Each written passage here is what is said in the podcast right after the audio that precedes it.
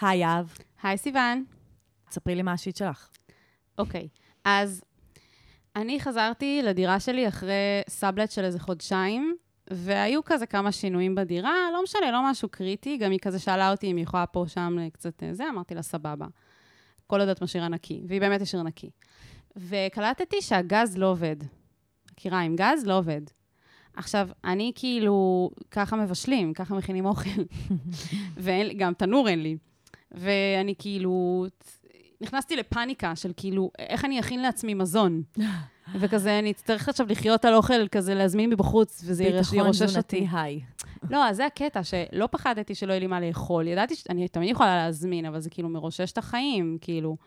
והייתי צריכה גם לעשות קניות, וכזה, כל פעם... או לאכול אוכל קר. כן, אבל מה זה אוכל קר? זה סלט, כאילו. מה, רגע, השנייה, אני צריכה לאכול משהו, כאילו, את יודעת. ודגים נעים. אני גם טבעונית, אז אני לא אוכלת כל מיני כזה גבינות, וכזה כן. פסטרמות, ודברים כאלה שאפשר, כאילו לא. אכלת אותה. כן.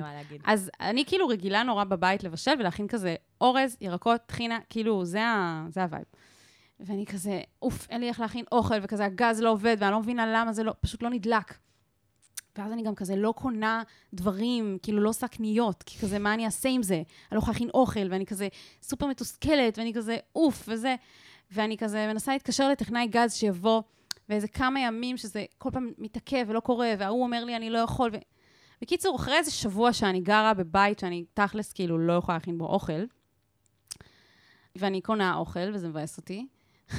הטכנאי גז מגיע, גם כזה, הוא אמר לי, אני אבוא, אה, על הבוקר, אני מתקשרת אליו. מגיע, נכנס. וואי, זה, זה כמו השיט שלך עם הקליטה, אני בטוחה. כזה, היא סגרה לך את הברז או משהו, משהו כזה ממש בסיסי. הוא פשוט בא, הדליק את הגז. מה זאת אומרת? זה פשוט עבד. אה, זה סתם... הוא אה, בא, בדק, וזה עבד. זה כמו שכזה הצעצוע לא עובד, ואז את אומרת, אבא, אבא, זה לא עובד, ואז כשהוא מגיע כן. זה עובד? ממש ככה. או כשמשהו במחשב לא עובד, ואז מישהו אחר מנסה וזה עובד. כן, רק שהייתי כזה שבוע בלי אוכל, כאילו. כי לא כזה- ניסית שוב ושוב, ניסית ניסיתי. פעם אחת. ניסיתי כמה פעמים על כל הלהבות השונות, כאילו. ניסיתי בכל מיני... אז מה, תסבירי את זה. תקשיבי, אני לא יודעת, אבל באותו רגע, כשהוא בא, ועכשיו גם, כאילו לא התאים לו לבוא, כאילו אמרתי לו, זה, וכבר שבוע ותבוא וזה, וקידרתי אותו ממש. ואז הוא בא. עכשיו, גם לא היה לי נעים על זה שאני מקדרת אותו, אבל גם ממש לא היה לי נעים מזה שכאילו אני כבר סובלת שבוע, וסתם, יכולתי לא לסבול, יכולתי פשוט לבשל ולחיות כמו בן אדם, וכבר הייתי במצב של תסכול, ואני כזה, יהב, למה? למה זה קורה? זה קורה? כזה, זה השיט שלך. מה? זה מאוד מאפיין אותך, השיט הזה. כל הדברים הטכניים עם הגז וזה, כן, ועם בדיוק. לשרוף את המונקאפ. כזה, כן, וכזה הסתובבתי במשך יום שלם בלי קליטה, ואז גיליתי שהייתי צריכה ללחוץ על נדידת, אה, נדידת נתונים, וזה כל הסיפור. גם, גם אני אשתף עוד משהו קטנטן בהקשר של כל זה, כשאני אני עושה שעווה, אז אני שמה את השעווה במיקרו. ואז אני כאילו מחממת את זה יותר מדי, ואז אני צריכה לחכות שזה יתקרר, אז אני כזה שמה את זה קצת במקרר. ואז זה מתקרר יותר מדי. ואז אני מח- מחממת את זה שוב במיקרו. זה פשוט סיוט, למה את כאילו. עושה שעווה? זה הכי ישן בעולם, זו השיטה הכי ישנה לא, בעולם. לא, אני, אני לא, אני לא מגלחת שום דבר. לא, לא רק לגלח, שעווה, רק סילקפיל. לא, לא, לא, אחותי, אני זהו, זהו. מה זאת אומרת? לא, לא, אין לי, אין, אנחנו לא נתחיל עכשיו דיון על זה, על איך אני מסירה שערות מהגוף. שעווה זה השיטה שלי. אני לא- מכונה שתולשת את השערות. זה מקומות מסוימים בגוף יכולים לסבול את זה, מקומות אחרים לא. טוב, מה, בואי את נדבר נכנסת על איתי זה. לדיון על איפה בדיוק אני עושה זה. ואיפה זה? כן, זה נורא מיושן שעווה, מה זה אני לא אעשה? מיושן, זה עובד לי הכי טוב. עובדה שאת שמה במיקרו, לא, זה פשוט לוקח לי חצי שעה עד שאני יכולה במקרר. לעשות, כן, זה נורא. זה נשמע כאילו את בימי הביניים מורידה שערות, באמת אני אומרת. מה זה?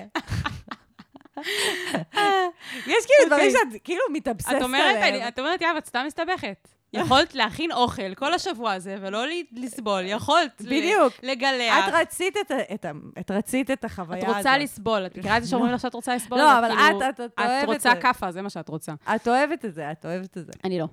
טוב, בסדר. בסדר. טוב, אז אם הצטרפתם אלינו עכשיו, אז היי, um, הגעתם לשיט של אחרים. הפורמט שלנו זה שאנשים כותבים לנו באנונימיות על הבעיות שלהם. לא דברים כמו uh, שאבות uh, קרות וחמות. אם אה, כי גם את זה אנחנו מקבלות. אין בעיה, אין מקבלות. בעיה. אני אתן לכם עצות. ל- ל- לג- כאילו, הכי טובות לאיך אה, להוריד כן, שערות. לא משנה מה אתם מביאים, אנחנו אנחנו. אנחנו. נתאבד על זה, ממש. אנחנו לא נהיה כמו סיוון, למה את בכלל עושה שעבר? אה. לא, אנחנו נגיד לכם באמת איך לפתור את הבעיה. לא, אני בעד, תעשי מה שאת רוצה. לא משנה, יאללה. קיצר, אה, ואנחנו נותנות לכם עצות שוות, וככה זה עובר משבוע לשבוע. אז אה, נתחיל? יאללה, נתחיל. אני ממש צריך עצה. אני ממש צריכה עצה. מה אני יכול לעשות במצב כזה?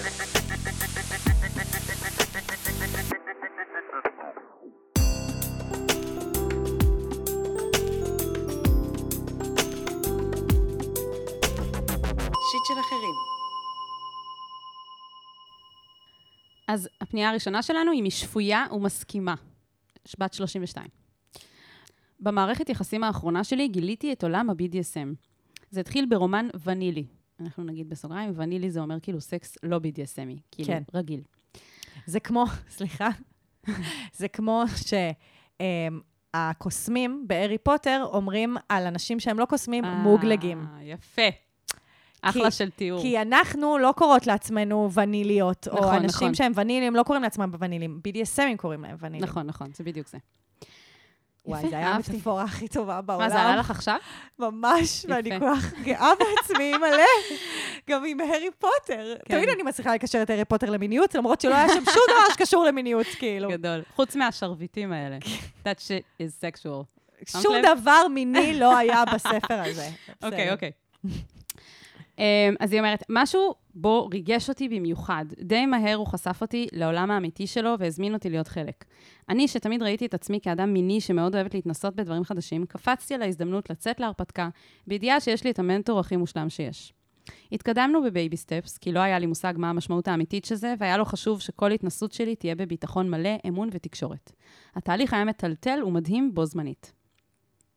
מדהים כי התחלתי לשאול את עצמי בפעם הראשונה בחיי מה אני אוהבת, מה עושה לי טוב ומה הגבולות שלי. למדתי להבין את המשמעות של תקשורת כנה, גיליתי אורגזמה חדשה שמגיעה מהכאב, מה שמעולם לא דמיינתי שהגיוני. הבנתי שזה ממש לא מחייב שזה יהיה מיני, ושזה בכלל קשור לצרכים אחרים שיש לי. ההבנה שאני שואבת סיפוק מלהיות נשלטת וממזוכיזם הייתה מטלטלת, כי זה כל כך לא בשיח הנורמטיבי. לרגעים תהיתי מה לא בסדר בי, אבל ככל שחקרתי גיליתי עוד רבים כמוני שלשמחתי כתבו על התהליך שלהם והבנתי שזה נפוץ הרבה יותר משחשבתי, ובעיקר הרגשתי שאני לא לבד. הכל היה מדהים עד שהגענו לגבול שלא הצלחנו לגשר עליו והחלטנו לסיים את הקשר. מאז עברו כמה חודשים טובים, יצאתי להרבה דייטים ונילים, ואני מרגישה שאף אחד ושום דבר לא מרגש אותי. אני חוששת לחפש חוויה BDSMית אחרת, כי אני יודעת כמה הגבול דק בין שולט למתעלל ואני מפחדת ליפול. וגם קשה לי לדמיין את עצמי חולקת את החוויה הזאת עם מישהו אחר. איך אני אדע אם האדישות היא כי העולם הוונילי כבר לא יכול לרגש אותי, או שאני חווה שברון לב כמו במערכות יחסים רגילות, ופשוט עוד לא מוכנה לדבר הבא. האם יש דרך בטוחה להיכרויות בעולם ה-BDSMי? האם כדאי להמשיך לנסות היכרויות וניליות ולהשאיר את ה-BDSM כפנטזיה? טוב, אז קודם כל אני נורא אוהבת את הפנייה הזאת, כמובן, כמובן, כמובן. ברור. אני יודעת למה את אוהבת אותה. למה? כי היא כבר עשתה את הצעד הזה של להבין שהיא לא לבד ושזה לא חריג. ותמיד את כאילו צריכה קודם כל להסביר שאתם לא לבד, זה לא כזה חריג, ועכשיו את כאילו, אוקיי, יופי, היא כבר עברה את זה, בואו נעבור הלאה. לגמרי, וגם יש בפנייה עצמה, כאילו, אני מאוד שמחה שלא קיצרת אותה והקראנו את כולה, יש משהו בפנייה עצמה שהוא בעצמו מנרמל, נכון. ושהוא בעצמו עוזר לאנשים אחרים שמקשיבים לנו להציץ לעולם ה-BDSMי ולהבין את הקסם שיש בו, כאילו, זה מהמם. ממש את הערכים החשובים של הסוגיות. התקשורת והגבולות, ו... כן. זה באמת אה, כאילו פנייה ממש ממש טובה, ואנחנו הבאנו תשובה מדהימה של שי שפיצן, שהוא אה, בעצם מנהל את המרכז למיניות אלטרנטיבית, אה, שציינו אותם כבר בעבר, אבל אה, זה בעצם מרכז שתומך ובעצם גם מכשיר אנשי טיפול וגם נותן טיפולים שהם פרנדלי. גם לאנשים אה, מ-BDSM וגם לאנשים שהם טרנסג'נדרים וגם לאנשים שהם אה, א-מונוגמים. ואני כאילו לא רוצה להוסיף יותר מדי, כי הוא פשוט, אה, הוא, הוא פשוט ענה הכי יפה, שהוא באמת, הוא רגיש ומוכשר ומאוד בקיא. כאילו, זה ממש אפשר, הוא תפר שם את כל הדבר הזה. אני רוצה לתת איזושהי אה, הקדמה למי שלא מכיר את עולם ה-BDSM, כאילו רק להגיד שנייה מה זה BDSM, שזה בעצם שם כולל למגוון רחב של נטיות ומערכות יחסים ופעילויות שהן לרוב אירוטיות, והן נעשות בהסכמה מודעת, מרצון מלא, תוך קביעת כללים ותוך מודעות לסיכונים, והן מערבות מרכיבים של שליטה ו/או כאב. ה-BDSM, אז זה גם BD, שזה כאילו בנדג', שזה שיעבוד, כבילה, אה, כל הדברים האלה, דיסציפלין, שזה משמעת, ואז יש את ה-DS, שזה סאבמיסיב, שזה בעצם אה, להיות אה, כאילו בשליטה. ו... נשלט. נשלט, כן. סליחה, ודומינן, שזה, להיות שולט. בדיוק. שזה בעצם כל הנושא של היחסי שליטה שקיימים בעולם שלנו, כן. גם כשאנחנו לא מנכיחים אותם. נכון. והם פשוט משחקים עם זה. Uh, ויש את ה-SM, שזה הסדיזם, מזוכיזם, שזה הנאה מכאב לאדם אחר והנאה מכאב לעצמי.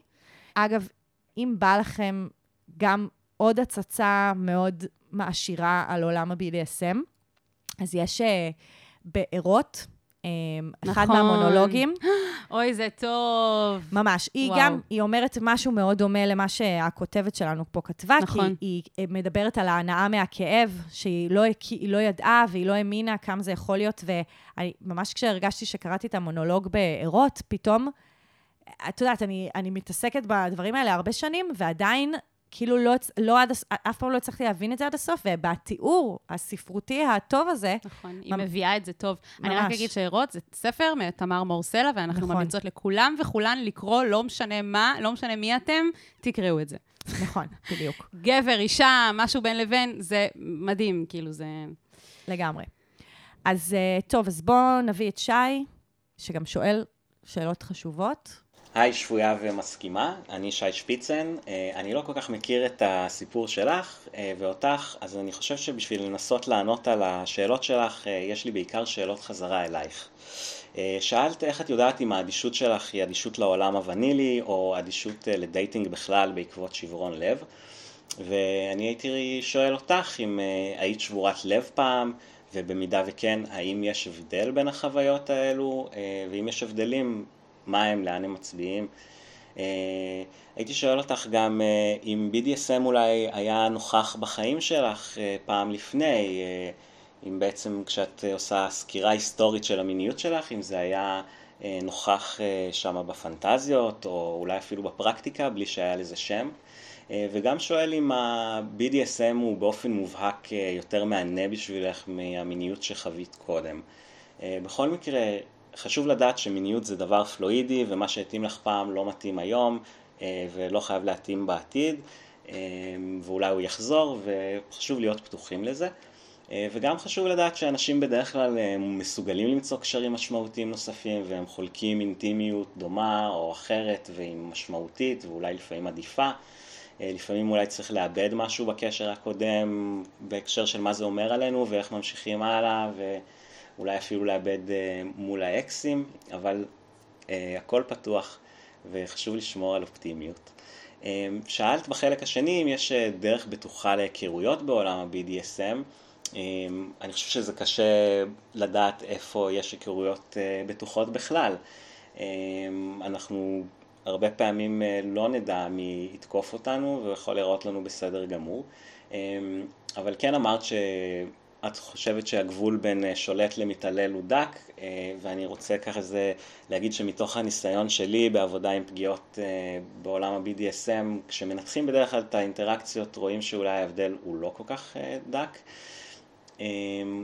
אני גם הייתי רוצה לתת אולי כמה דברים שכן יכולים לעזור לך להבין מי מולך, לפני שאתם באיזשהו משהו BDSMי. לדוגמה, אם מישהו מציב לך אולטימטומים, אם יש לך איזושהי הרגשה כללית של נחיתות לגב, ליד הבן אדם הזה, אה, איך הוא מתייחס לגבולות שלך, לא רק סביב BDSM, אלא בכלל, אה, אם הוא מקבל אותם, הוא מקבל את המרחב שלך ואת הצורך שלך בחופש לדוגמה, או שיש שם משהו שגורם לך להרגיש אשמה כשאת מציבה גבולות. האם הבן אדם זה בן אדם שלוקח, נראה שהוא לוקח אחריות בכלל, על עצמו, על אחרים. אה, אני לא הייתי מאמין לזה שמישהו אה, ידוע בסצנה או מנוסה בשביל לבדוק איך הוא, אלא באמת בודק איך הוא מתייחס לאנשים, יש שם אמפתיה, יש רגישות, הקשבה אלייך, או איזשהו דמות יותר של שולט, מישהו שיודע שהוא לא כל כך פתוח לביקורת, אה, הוא מחליט לבד ו- וכולי. אני רוצה לשים בהקשר הזה דגש על מה שהזכרת, שבקשר הקודם שלכם הסתיים בגלל שהגעתם לאיזשהו גבול שלא הצלחתם לגשר עליו, ואני רוצה לשים בסימן שאלה האם גבול שלא מצליחים לגשר אליו, או שאחד הצדדים לא מעוניין בו, זו סיבה לסיים את הקשר.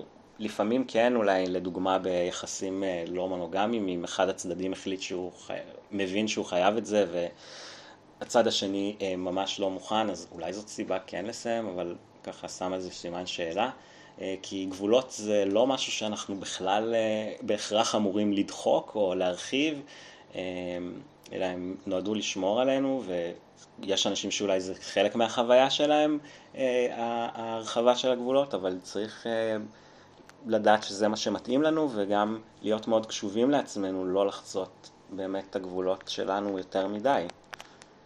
אה, אני מקווה שהשאלות שלי יעזרו לך קצת לענות. את בכל מקרה מוזמנת מאוד אה, לפנות אלינו למרכז למיניות אלטרנטיבית, להתייעץ בחינם לגבי הדברים האלה והיכרויות בטוחות וכולי. וואו, זה היה ממש ממש אינפורמטיבי ויפה ו... ורגיש, וזה... אגב, שי כאילו לא יודע כמה הוא מדהים. כאילו, הוא כזה, את רוצה שאני אקליט שוב? אני כזה, לא, אתה, אתה מדהים. סבבה. סתם, כן. וגם, שנייה אני אגיד ש...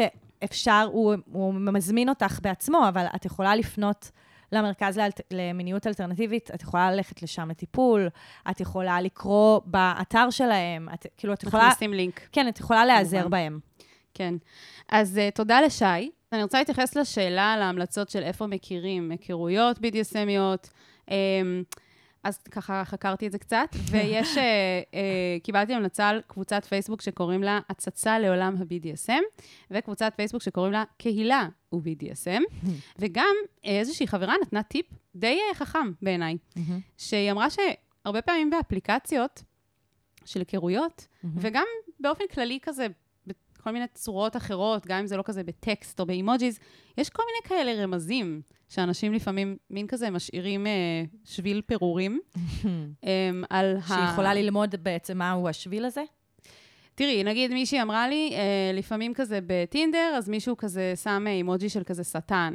אז היא אומרת שכאילו היא לא באמת יודעת, אולי זה רק היא כזה משליכה, אבל שיש מצב שזה מין רמז כזה של אני אוהב קצת לשלוט, או משהו כזה. יש גם mm. אנשים שפשוט גם אומרים, כן? כן.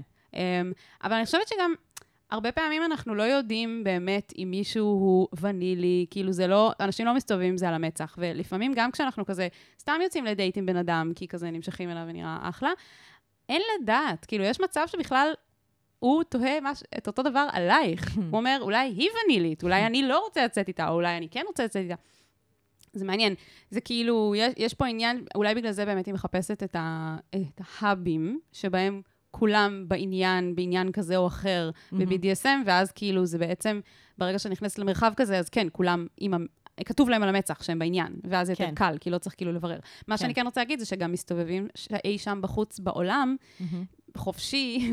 ולא בתוך הקהילות וההאבים האלה, גם הרבה אנשים שהם בעניין של BDSM, הם פשוט לא מצהירים את זה, אז כאילו, אין לדעת, והרבה פעמים זה דברים שמתגלים, יש גם אנשים שבעצמם לא יודעים את זה. אולי זה יתגלה נכון. תוך כדי קשר נכון. עם מישהו שהוא בעניין, זה גם קורה. אבל את יכולה בעצם להפוך מלהיות התלמידה ללהיות המורה. אה, זה מה שאת אומרת. אני אפילו לא הלכתי לשם, אבל זה גם אפשרי. כלומר, את... כאילו, את... גם אותך לימדו ואת לא היית בעולם הזה, והנה יש לנו אנשים, כאילו... והנה, והנה גילית אותו, והוא, ומה טוב לך. כאילו, כן. את... הדבר שהכי התחברתי אליו, ששי אמר, זה שזה לא באמת משנה אם הבן אדם הוא כאילו אוהב להיות שולט או לא אוהב להיות שולט, כאילו, בהקשר של האם הוא יפגע בך. כאילו, זה לא באמת 아, אה, קשור. נכון, נכון. אחד, זה, ובעצם, את קודם כל רוצה למצוא פרטנר שאת מצליחה לתקשר איתו, ושהוא ראוי ל... אהבתך, השקעתך ו- וכל הדבר הזה. ואז איתו את יכולה גם לבחון את הדברים האלה. כלומר, כרגע זה נשמע שאת הולכת כאילו בעולם באיזשהו מיסוך כזה, שכזה כולם נראים ונילים, כאילו, ו- כן. וכשאני אומרת ונילים, אני מדמיינת אותם כזה אפרויים וחסרי צבעים, וכאילו שזה באמת גם נשמע כזה איזה קושי להשתקם ו- ולצאת החוצה, כאילו, מהכאב שאת נמצאת בו עכשיו. ו- ובאמת שכשאת... ש- למצוא את הפרטנר שראוי לך, זה לא בהכרח קשור להאם הוא יהיה BDSMי או לא. כלומר, נכון. שוב, את באמת יכולה להכיר לו את העולם שלך, ול- ואתם תבנו את היחסים שלכם בצורה הזאת. כן, אני, אני בכלל חושבת שהעיקר שהוא ירגש אותך קודם כל ברמה הרגשית. זה מצחיק, זה זה אותו שורש של מילה, אבל אני חושבת שבן אדם שירגש אותך בתור מי שהוא, והחיבור שיש ביניכם, אז יהיה ביניכם גם קשר מיני שהוא מרגש. גם אם זה לא דרך BDSM, אבל גם אם זה כן. כלומר, קודם כל, אני חושבת שאת מחפשת גבר ש... שירגש ברמה הרגשית, שברמה של החיבור, ברמה של האינטימיות, עוד לפני אפילו שנכנסים למיטה, ו... נכון. ושם זה ואז- בעצם, שם טמון העניין, הניצוץ הזה, בעיניי. הפלפל, כן. נכון. אה, אחרי זה, מה אתם חושפים אחד לשני, כאילו, איזה עולמות אתם חושפים אחד לשני ברמה המינית, זה כבר... גם כבר ככה זה גם קורה. זה גם נכון. ככה קורה. נכון. כלומר, גם ככה כשאנחנו עושים סקס, אנחנו חושפים אחד בפני השני את הרצונות שלנו, בדיוק. את האהבות שלנו, את הסטיות שלנו, את כן, כל הדברים וכדי האלה. להגיע לשם, אז אנחנו קודם כל צריכים שיהיה איזשהו חיבור. פתיחות וחיבור כן. וכנות. ואני גם רוצה להגיד שכמה חודשים זה לא כזה הרבה זמן. אה, לפעמים לוקח יותר כדי להתגבר על לב שבור. נכון. Uh, we all know it, לפעמים אפילו שנה, שנתיים, who knows, כאילו, זה בסדר, תני לעצמך זמן, יש מצב, כן, יש מצב שפשוט הלב קצת שבור, ובגלל זה את לא מתחברת לאף אחד ואף אחד לא מרגש אותך. כן. מתישהו, כאילו, אף אחד לא ירגש אותך עד שמישהו כן ירגש אותך, נכון. ככה זה עובד. ו... וגם רציתי להגיד שהמליצו לי על מועדון חדש בתל אביב, שקוראים לו טאבו. נכון. אה, אני לא הייתי במקומות האלה, לא הייתי בקבוצות האלה, אז אני רק רוצה לציין את זה כ... אה, איך אומרים? אה, Disclaimer. כ disclaimer, שכאילו, לפעמים קצת קשה לי אם להמליץ על משהו שלא באמת ניסיתי בעצמי, כן. אבל כזה, כששאלתי אנשים שהם כזה בעולמות האלה, אז הם אמרו, אולי כדאי לנסות את זה, אז כזה, רק שתדעי.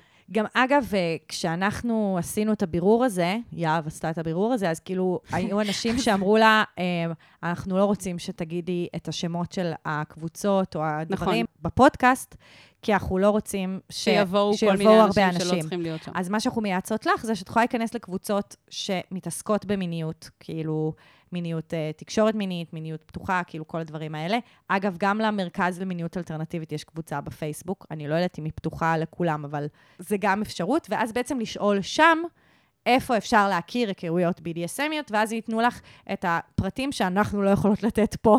זה בעצם פרקטל. את כאילו נכנסת לקבוצה אחת, כן. שהיא יחסית כאילו סגורה, יחסית פתוחה, ואז שם את, את כאילו הולכת מ, מנקודה אחת לנקודה אחרת, עד שאת מוצאת את המקומות הסגורים והיותר אינטימיים, ושם באמת כולם כמוך. בדיוק, בדיוק. אבל זה ייקח, כן, זה לוקח איזה כמה שלבים בדרך כנראה. נכון, וזה באמת תהליך, ואת תמצאי את עצמך לאט-לאט. ואנחנו ממש שמחות שכתבת לנו, ובאופן שכתבת לנו. לגמרי. תהני. נכון.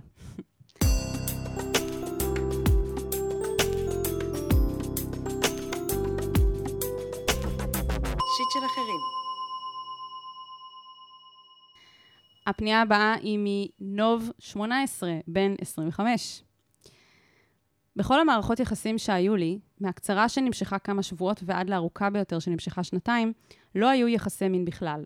ברמה שלא ראיתי את בת זוגתי עם בגדים מינימליים או ב- בלי בגדים בכלל. וזה דבר שמאוד מתסכל אותי עד היום. בעצם הקשר היחיד הרציני שהיה לי נמשך שנתיים ונגמר לפני כשבע שנים, מגיל 16 עד 18. הבחורה שהייתי איתה בקשר הייתה מקסימה והתאהבתי בה מהרגע הראשון, אך היא הייתה דתייה, ומבחינתה אסור לקיים יחסי מין עד החתונה ואין על זה דיבור או ויכוח. הקשר היה מאוד קשה וטראומטי בשבילי, ניתקתי קשר עם כל ידידה טובה שהכרתי כי מבחינתה זה בגידה, ואפילו אם הייתי מסתכל בטעות על בחורה כלשהי, אפילו בת משפחה, הייתי מקבל צעקות והשפלות על כמה שאני לא בסדר וכמה שאני צריך לשנות.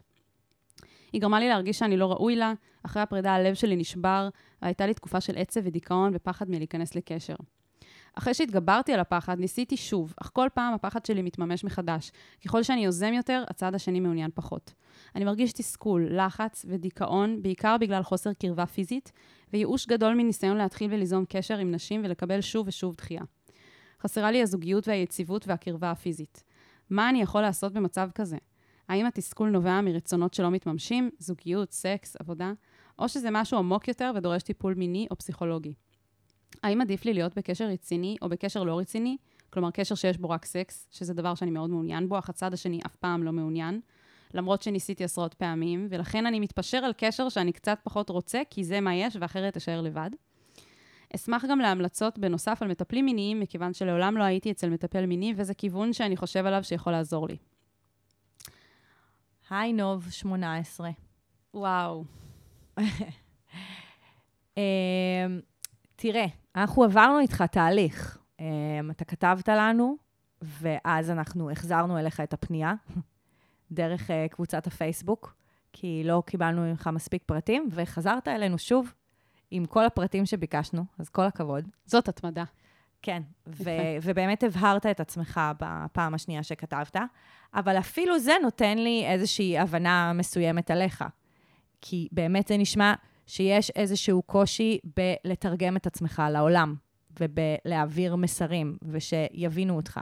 כלומר, יש כאן איזשהו קושי בתקשורת שלך אה, עם העולם.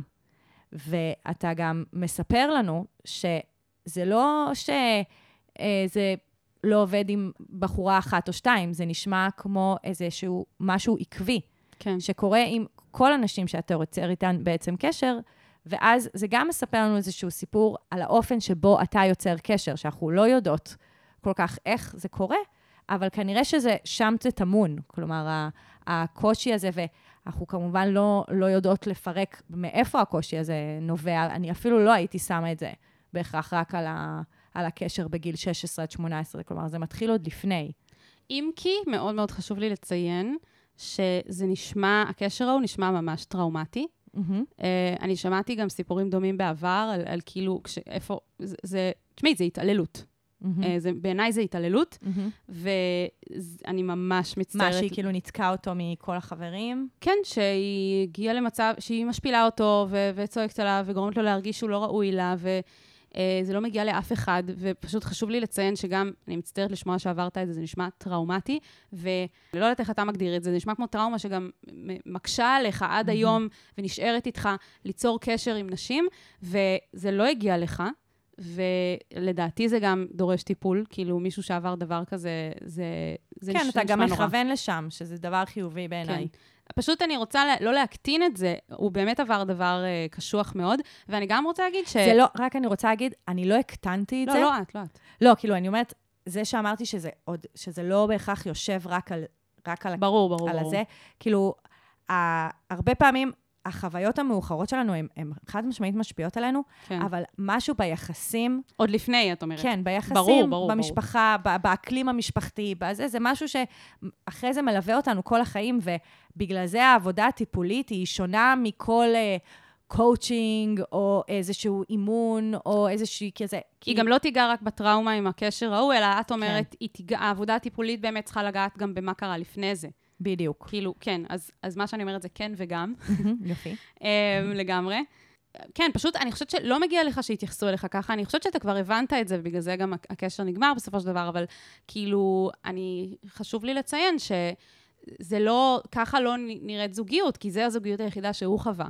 כן. ו- והוא יודע שיש משהו אחר, אבל הוא עוד לא פגש את זה. כן. Uh, ואני מאשררת אותך ומאששת שאכן ככה לא נראית זוגיות, ממש ממש רחוק מזה. Um, ולגבי ה- התסכול והייאוש um, מזה שאתה לא, אתה רוצה את האינטימיות ואתה רוצה את הקרבה הפיזית ואתה לא מקבל אותה שוב ושוב, ואתה מרגיש שאתה כבר שנים מנסה לקבל אותה ולא מצליח, זה ספציפית, חשוב לי להגיד שנראה שאתה לא לבד, זה בדרך כלל את לוקחת את המקום הזה. נכון. אז אני אגיד שיצא לי אה, לפגוש הרבה גברים צעירים, בעיקר אה, כי החברה שלנו בנויה ככה שנשים אה, לרוב לא, לא נמצאות במצב הזה, אבל... אה, שמה?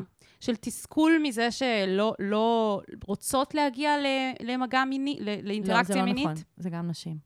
אוקיי.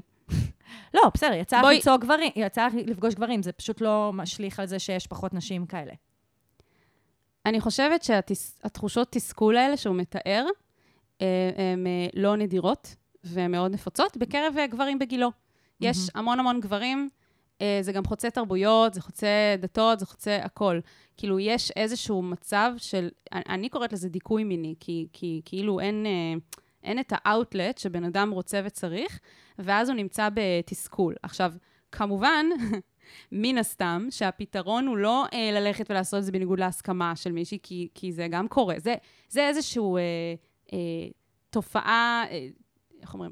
תופעת לוואי של התסכול המיני והדיכוי המיני הזה, זה אלימות מינית, זה גם חלק מזה. עכשיו, ברור לי שאתה לא כזה, ואתה לא תעשה משהו בניגוד לרצונה של אף אחד, ומה שמתסכל אותך זה שאתה רוצה שזה יהיה מרצון, ואתה לא פוגש ברצון הזה, אתה כל הזמן פוגש דחייה, ואז זה מתסכל אותך עוד יותר ועוד יותר ועוד יותר, וכאילו, אתה לא יכול להכריח מישהי, ואתה יודע את זה, ובגלל זה אתה, אתה לא יודע מה לעשות, ואתה מרגיש שאתה ב-dead end במבוך. אז רק להגיד שכאילו, יש עוד המון אנשים שסובלים מהתחושה המאוד ספציפית הזאת. באמת, וגם היה לנו פרק שקראנו לו מצעד הבתולים, שהוא ממש מדבר על הנושא הזה, של בעצם, שיש הרבה אנשים בחברה שלנו שלא קיימו מגע מיני בגילאים צעירים, מבוגרים ועוד, וזה איזושהי תפיסה כזאת שכאילו כולם מסיימים עם זה בגיל ההתבגרות, כן. אבל זה לא נכון. שנייה, אני חוזרת רגע להתחלה, כאילו, ב, באמת יש א', באמת התסכול הוא, הוא ברור, ו, וברור שאתה רוצה את, ה, את הקרבה הזאת, אבל באמת זה נשמע שיש שם איזושהי עבודה אה, לפני זה לעשות, כי שוב, אני אגיד את זה שוב, מיניות היא תקשורת.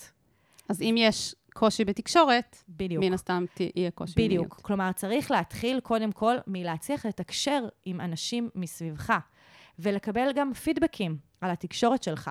כלומר, הייתי מציעה אה, להיות באמת, ב, בוא נגיד, אה, ש, שיהיה לך ידידות, ולבקש מהם כאילו את הפידבק שלהן על האופן שאתה מדבר ועל האופן שאתה פונה ועל ה... אופן שאתה מסמס. ו- כן, בדיוק, כאילו לקבל איזשהו, אה, כמו שאני תמיד אומרת, קבוצת שווים. כאילו לקבל איזושהי רפלקציה על איך אתה מפורר את המבוכה וכאילו את, ה, את מה שאתה רוצה להעביר ו- ולא כזה מצליח.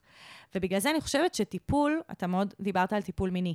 אני לא בהכרח הייתי הולכת ישר לטיפול מיני.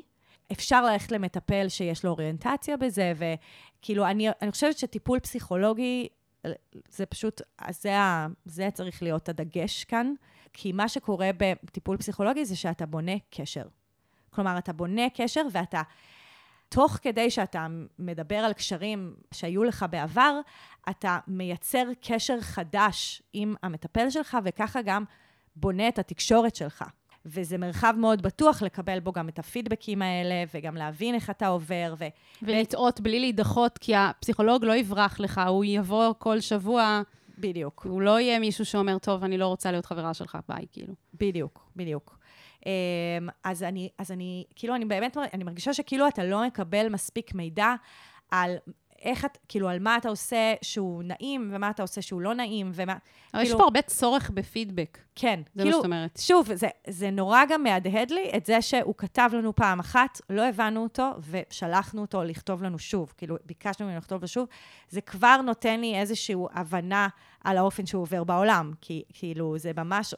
ו, ובגלל זה אני אומרת, כאילו, אני יכולה להמליץ לך על מטפלים מיניים, או כאילו זה, אבל זה, לא, זה לא בהכרח באמת צריך להיות הדגש. זה באמת ללכת לטיפול פסיכולוגי, גם לדבר על, ה, על הקשר הפוגעני שהיית בו, גם uh, לדבר על היחסים במשפחה, גם לפתח את הקשר עם המטפל, וגם אתה יכול שכאילו סיבת הפנייה תהיה צורך באינטימיות, קושי בלייצר קשר אינטימי, חרדה בלהיכנס לאינטימיות, יכול להיות, יכול להיות איזה כל מיני הגדרות, ו, וזה יהיה כאילו האוריינטציה של הטיפול.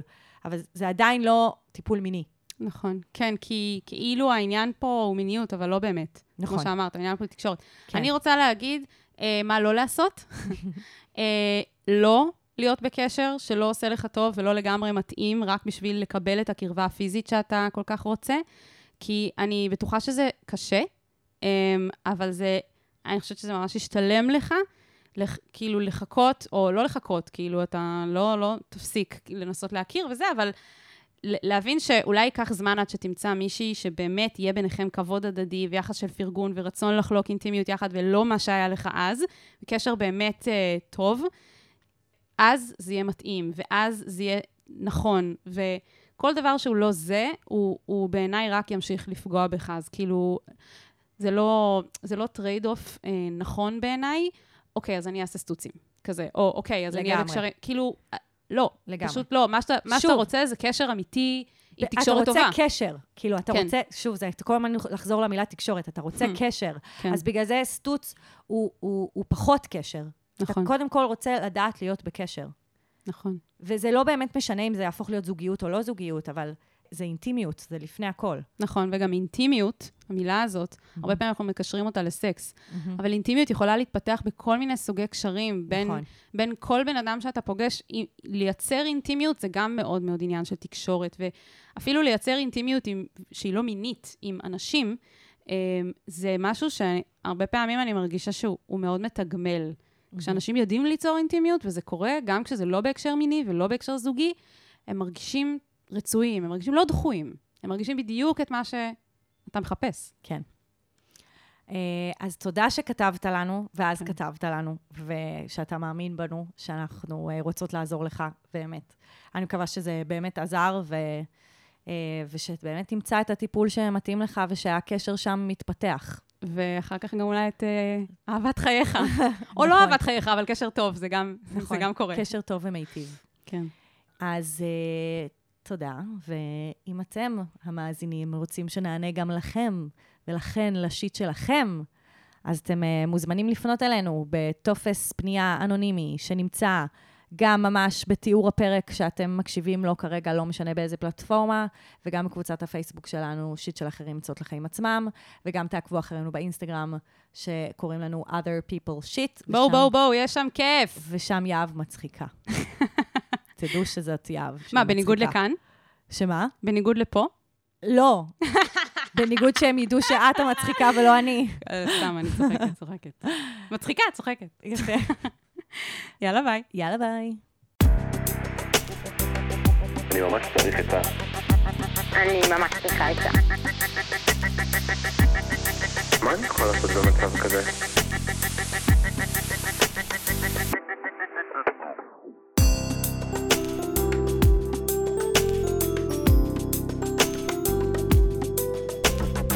שיט של אחרים.